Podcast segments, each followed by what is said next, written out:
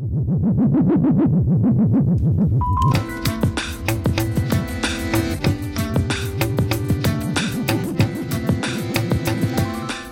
adiantamos na anterior edición efervescente, o pasado mércores presentouse no Consello da Cultura Galega o informe sobre a divulgación da ciencia en Galicia.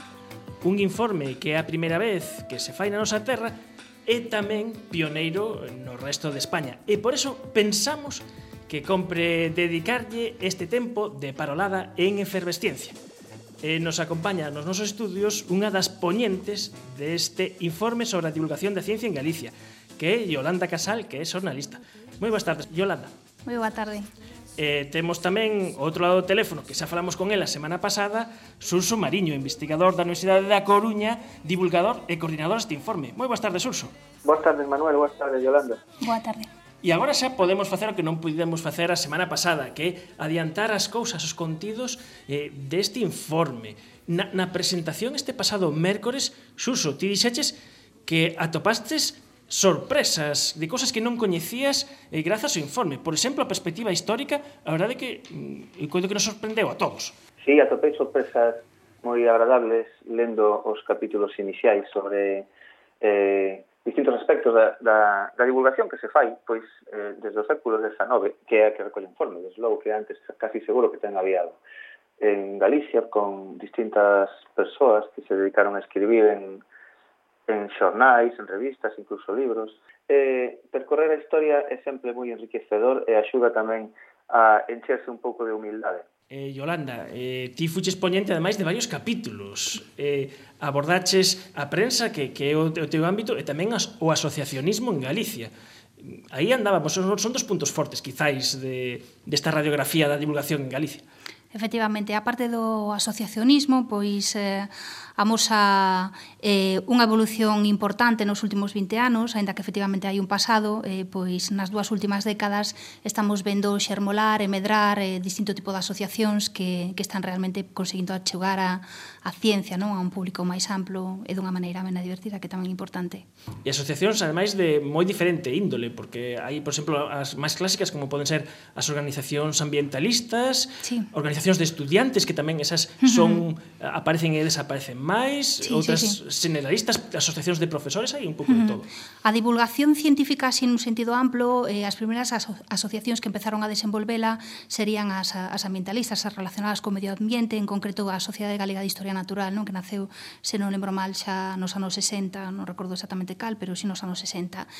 Eh, como dicía, nos últimos 20 anos, a partir dos anos 90, pois xa foron aparecendo moitas as asociacións astronómicas clínicas que, que hoxe temos en, en Galicia, que son bastantes, hai en todas as cidades hai unha ou, ou dúas, e logo tamén eh, hai un fenómeno moi interesante eh, na cidade da Coruña, alrededor da rede de museos científicos coruñeses, bueno, naquel momento, eh, en principio, a, a Casa das Ciencias, eh, pois constituíse primeiro a Asociación de Amigos de, da Casa das Ciencias, que hoxe por hoxe é a, a asociación máis grande con máis socios deste tipo en Galicia, con 650, e despois tamén, pois, eh, eu creo que ten que ver co, con que a agrupación astronómica IO sexa tamén a, a asociación dedicada aos astros máis, uh, máis importante de Galicia en canto ao número de socios, e tamén que Bricolabs, que, que é a, o colectivo coruñense eh, do Momento Maker, pois sexa igualmente non o, o que ten tamén eh, máis persoas participando, non? Eh, hai outras cidades que tamén eh, están apostando por este movimento, pero pero Coruña dende logo con ese apoio que teñen do, da rede de museos científicos coruñeses, que os acubilla no, no seu seo, pois eh, danlle un pulo importante. Neste, neste informe aparecen os claros e os escuros e, e as evolucións eh, en todos os aspectos da divulgación. E, e, por exemplo, nun no que ata agora non contábamos nada e que agora parece que empezan a sair eh, iniciativas, por exemplo, eh, son as publicacións eh, de, de divulgación en galego. Eh, podemos dicir que está a piques de presentarse, non Xurxo, a nova colección de, de Xerais. A eh, colección eh, de Xerais, sí. a editorial Xerais vai sacar uh -huh. unha colección de libros de divulgación que eh, Xurxo unha... porque creo que Xurxo ten algo que dicir con unha... ben, ben, moi ben feito. unha, unha sorte que es que unha editorial pois importante das que tenemos en Galicia se, se decida sacar unha colección de libros de divulgación. Eh, sairá un libro eh, sobre o ADN que eh, escribe escribiu Daniel Soutullo. E eh, despois hai varios máis aí en proceso de, de, de edición e, e, e de escritura, entre eles pois tamén vai sair un libro que eu xa anunciara hai un ano que, que, que estaba escribindo que é sobre é un libro de divulgación sobre unha aquela viaxe que fixera eu alrededor do mundo eh, no ano 2014 principalmente pois é unha combinación de libro de viaxes e eh, divulgación que, que creo que vai quedar moi atractivo. E con unhas fotos que coido que son espectaculares. Tamén, sí, porque a imaxe cando un anda eh, descubrindo contornos novos e, e, enfrentándose e asomándose a paisaxes novas pois é tamén un punto moi importante para transmitir esa paixón, esa emoción que se, que, que pode ter un cando está no deserto de Namibia ou frente a un enorme glaciar de 4 km de ancho de fronte e 30 km de fondo. Pois as imaxes tamén tamén fan moito. Pois agardamos con moitas ganas, non? Poder coñecer xa esa obra de Daniel Soutullo e, e a de Xurso Mariño, pero temos tamén que falar da, da Biblioteca de Divulgación que puxo en marcha a Universidade de Santiago de Compostela, é un proxecto que empezou a andar en 2011 e que eh, tivo como primeiro título Antimateria, Magia e Poesía, creo que dun colaborador habitual de, o, o de Efervescencia. El Deste, bueno, como todos os de Efervescencia, non pode ser menos. Que estes días está facendo de Novas Américas, creo que xa está pola Feira de Buenos Aires, eh, a Feira do Libro de Buenos Aires, aires ou a piques de chegar, eh, eh, imagino. Está por aí, está con Jorge Mira que van a facer unha, unha turné, uh -huh. eh, a verdade que moito éxito. Sí, a facer promoción de, desta, de desta colección. A mí parece moi interesante porque son textos de calidade, mm, literaria e científica eh, que buscan chegar a un público xeral eh, pero con rigor eh, logo tamén temos outra que a mí me gustaría mencionar que quizáis é para un público un pelín máis eh, erudito quizás é moito dicir, pero si sí máis bibliófilo, que é a colección de clásicos de, do pensamento universal da Universidade de Santiago de Compostela, que está traendo pois, clásicos eh, de, do pensamento nun sentido amplo, pero si sí tamén con varios títulos eh, da, dedicados á ciencia e ao medio ambiente. O último deles, o o de Carson, non? De Primavera Verde. Mm. Ah, no, a Primavera Silenciosa, Primavera perdón. Silenciosa, sí. aí está. Mm-hmm. Os grandes clásicos uh -huh. da divulgación de todos os tempos, agora tamén en galego. Ah, Aboa. Hola, ¿qué tal? Moi boas tardes. Boas tardes. Yolanda Casal, ah, a boa hola, de Einstein, hola, a boa de Einstein, Yolanda. De Casal. Un placer. A nosa ah, colaboradora máis veterana, por iso dicen é meu. que todos os colaboradores de Fermesciencia e colaboradoras eh, son o mellorciño. Dispare. Cre creo que anda por aí Xurxo Marriño tamén. Sí, aí anda.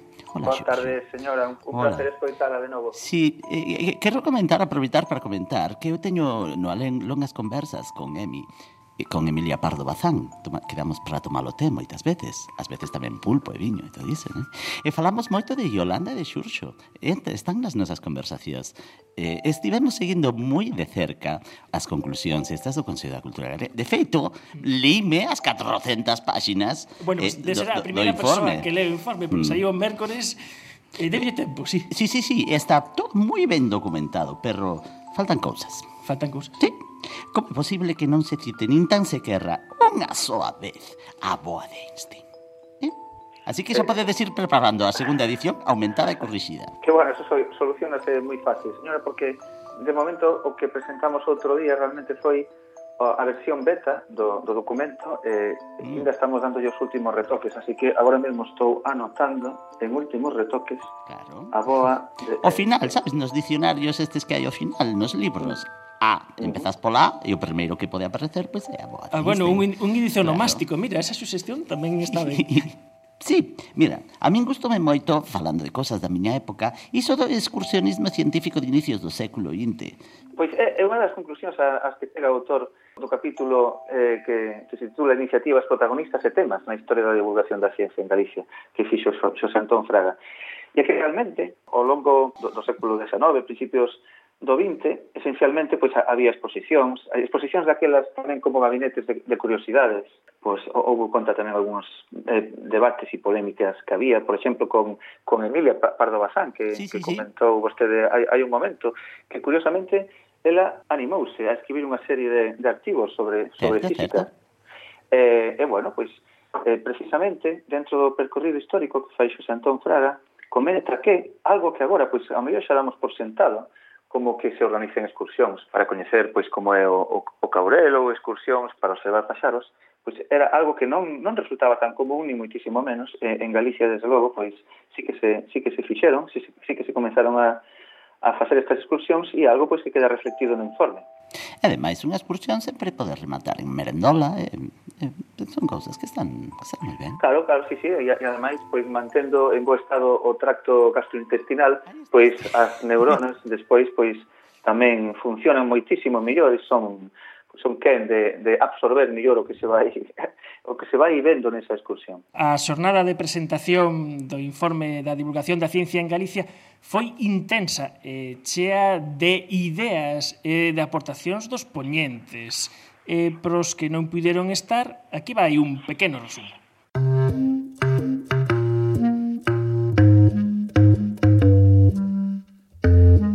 Tener mayor presencia social no quiere decir que la gente tenga más cultura científica, quiere decir lo que quiere decir. Tiene más presencia social, está más presente en la calle, en los medios de comunicación, en las vidas de la gente. No sé si tienen más cultura científica, pero desde luego tienen más presencia social. Y más presencia social es más prestigio. y máis prestigio es apoiar el discurso a favor de la ciencia. En decir, as democracias, e de feito é algo que se ven debatindo en bastante tempo nos países europeos, están obrigados na actualidade a ser capaces de contar cunha ciudadanía que poda tomar decisións fundamentadas sobre temas científicos, porque todos e todas no noso día a día temos moitas decisións que tomar e moitas decisións sobre as que presionar que están relacionadas coa ciencia. Nadie concibe que las televisiones renuncien a la audiencia, pero yo creo que hay que exigirle a las televisiones públicas que renuncien a la audiencia como criterio, al objetivo de audiencia como criterio y por lo tanto a que incorporen programas culturales de una forma masiva en su programación. A próxima xeneración, os nenos que temos agora, van recibir máis información relacionada coa ciencia por canles extra académicos que pola escola. É posiblemente a primeira xeración na que pase iso. Ao meu lado teño, por si non o viste, supoño que sí que é moi coñecido, Antonio Gregorio, que levaba facendo que eu pensei que inventara eu, pois creo que 20 anos xa, cando, cando, cando nos coñecimos. Despois deso viñeron outras cousas máis, como Galiciencia, en Ourense,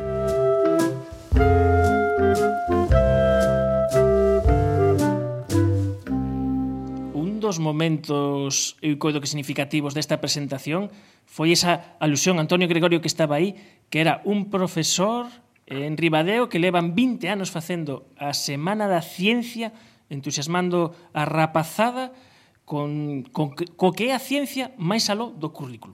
Sí, pois é, é un caso realmente moi, moi interesante, alegrome de que o saques aquí, porque hai unha actividade extraordinaria que moitas veces non se coñece por, por todo o público porque pois queda reducida, ademais está pensada para, para, para eses contornos específicos aos que queda reducida, que, que é, por exemplo, as feiras da ciencia que se fan en algúns centros de ensino. Antonio Gregorio leva organizando, en concreto, Antonio Gregorio Montes, que é un profesor de física e química, eh, a feira da ciencia do IES eh, de Ribadeo, IES Dionisio Gamallo.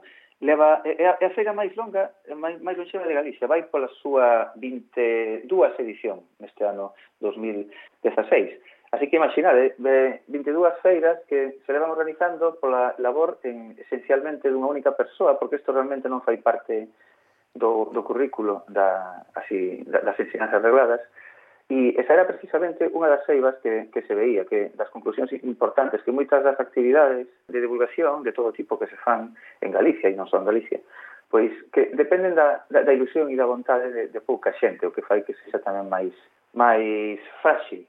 A, a historia mentes non se, ao mellor se profesionalice o tema. Pero volvendo á saída da ciencia, está a saída da ciencia de Ribadeo con 22 anos. Está, por exemplo, tamén a feira da ciencia de, de Ribeira. Eh, fíxose como durante uns des anos. A feira da, da ciencia do IES Alfredo Brañas de Carballo, que vai pola súa, nos comentaba, era, era a persoa que escoitábamos precisamente, eh, o organizador da feira da ciencia de Carballo, que, que nos dixo ali precisamente na, na presentación do informe que iba pola, que era a, a undécima edición, se si non me equivoco. E, e eso, recalcar que son actividades que están aí, están pensadas para os alumnos, feitas para os alumnos, e normalmente non se convida a, a, pues, aos pais ás veces e, e ao público externo, pero non sería mala idea que se pudese argallar o asunto de tal xeito que ao mellor facéndoas un sábado, cousa que complicado, pero facéndoas nun momento en que pudesen ir tamén os pais sempre e o resto do público para sacar a, a reducir todo ese traballo. E esa ilusión coa que fan os seus traballos de, de ciencia aos alumnos, tal como indican eh, claramente todas as persoas que traballan nesta serie de ciencia. Outro dos aspectos deste informe eh, é a prensa, que tamén lle tocou eh, a Yolanda, eh, E antes falábamos de Emilia Pardo Bazán. A Emilia Pardo Bazán, eh, bueno, escribía destas cousas, pero tamén as levaba. Sí, sí, sí, sí, sí. exerceu de, de xornalista científica, atreveuse a escribir algúns artigos de, de temática física, pero tamén se lle criticou non que fora inexacta, non? Que é unha crítica habitual que dende o mundo da ciencia se lle fai a, aos xornalistas, non?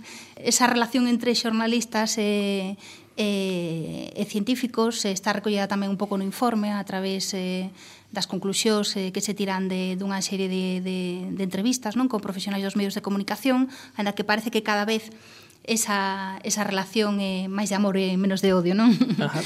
Pero bueno, o, mm, outra conclusión máis preocupante é que os contidos están pouco presentes, os contidos eh, sobre temática científica nos medios de comunicación en xeral, tanto na prensa como na radio e na televisión, e que aínda están eh, eh, tamén pouco incluídas as fontes científicas eh, nas redaccións para tratar calquera tipo de tema que, que sempre pode ter unha, unha vertente científica, non? E que axuda, eh, que é fundamental para axudar a, a cidadanía a ter unha perspectiva crítica, non? De calquera asunto de asunto de actualidade. Mira, agora que comentaba, falaban de este, este, ese tema con Emilia xa temos mm, moi, moitas veces falado e traigo un pouco de artillería tamén para cara aos científicos libros, porque a mí pareceme, non sei se vos opinades o mesmo, que o mellor divulgar, estudar fenómenos, sí, pero divulgar o mellor non pode divulgar todo o mundo, por moi científico que seja. Eso dicía o Ignacio nas xornadas. Eh... E deixo iso aí. aí, aí bueno. Isto reivindicando a Emilia ben a, a profesionalización de, da divulgación sí, sí. que seguramente que o mellor ela meteu a pata, pero tamén hai xente por aí que, bueno, podría estructurar un pouco mellor. Bueno, eh, Emilia non sei se meteu a pata, pero ao mellor eh, non estivo mal, porque eh, houbo... Así se aprende, non? Houbo, eh, sí, houbo unha polémica con Octavio Lois, precisamente pola, pola falta de pola falta, non sei se de calidade ou polos problemas científicos que, que de, de algúns artículos de, de Emilia Pardo Bazán. E como dicía Evanda, que se comentou na xornada que non podía divulgar todo o mundo. Juan Ignacio Pérez Iglesias, que era a persoa que escoitábamos antes, facendo uh, esa reflexión de que as televisións públicas deberían de renunciar á audiencia e dedicarse ao que teñen que, que dedicarse, que precisamente favorecer ao incremento da cultura da xente, pois Juan Ignacio decía que non, te, que non, non, non é necesario incidir en eso de que todos os científicos deberían de facer divulgación, porque hai científicos que son malísimos ou malísimas facendo divulgación e que, bueno, pois que, que, que ten que facer comunicación da ciencia como calquer outra actividade neste planeta as persoas que, que lles guste facelo ou que teñan eh, algún tipo de condición para facelo ben. E non pasa nada porque hai grandes dramaturgos que como actores e actrices son un desastre, pero son grandísimos dramaturgos. Ah, aí está. Mira, e, eh, e, eh, e que titulares lle poñeríades o informe así? Sí, para publicitalo así nos más medios. Así, para que se, esa idea que para crees... Que, para que a gente xente se atreva a ler 400 páxinas. Ideas salientales. Unha, hai moitísimo traballo que se fai por moita xente eh, en moitísimos casos eh, totalmente de, de, descoñecido, moitos profesores de instituto, profesores de instituto, e incluso alumnos que tamén despois participan activamente no que se fai, eh, en todas partes, eh? non son os institutos que, que non, que non se coñece non se coñecía e o, o, o informe en certa medida pois saca a relucir e reflicte todo ese traballo. E por outra banda, a pesar de que hai moito traballo e de que se teñen feito moitísimas cousas e que Galicia destaca no resto de España pola gran cantidade de, de, de actividades e proxectos que se fan, pois as administracións, en concreto a Xunta de Galicia, diminuiu dunha maneira eh, cercenante e, e preocupante pois as axudas para algo tan importante como é a transmisión da cultura científica, algo sin o cal ningunha persoa hoxe nesta sociedade técnico-científica na que vivimos pode pode eh, opinar se non ten uns mínimos coñecementos. E Yolanda? Bueno, está moi ben feito o resumo. sí. Eu engadiría unha cousa, bueno, que xa está implícita no que dixo Xurxo, que aparte de dar a coñecer eh, pois, eh, todas as distintas persoas e as xentes que, que participan dunha maneira ou outra na, na divulgación científica en Galicia, é preciso un pouco que, que se coñezan tamén entre eles, entre elas, e que fagan rede, non? Eh, puidemos velo nas xornadas, non? Que, que, que si se reivindicaba iso incluso dende o mundo do ensino e, e dende algún outro ámbito. Pois esta foi a presentación en efervesciencia eh, deste informe sobre a divulgación da ciencia en Galicia. Un informe que está accesible a todo o mundo en formato PDF desde a páxina do Consello da Cultura Galega e que fai unha radiografía eh, das últimas décadas da divulgación da ciencia en Galicia con esas luces, con esas sombras, con esa biodiversidade e con esa potencia da divulgación da ciencia en Galicia. E para eso contamos, neste caso, outro lado do teléfono, con Suso Mariño. Moi boas tardes. Boas tardes, Manuel. Quero comentar, antes de que me de que me votes de aquí, que sí. Manuel Vicente é tamén un dos relatores de este informe que fixo un, un, un artigo, un capítulo... Estás sobre... a poñer colorado. un poquinho sí. Fixo un, un estupendo capítulo sobre os centros interactivos, en concreto sobre ao, ao centro cultural máis visitado por escolares en Galicia, que son os museos científicos coruñeses.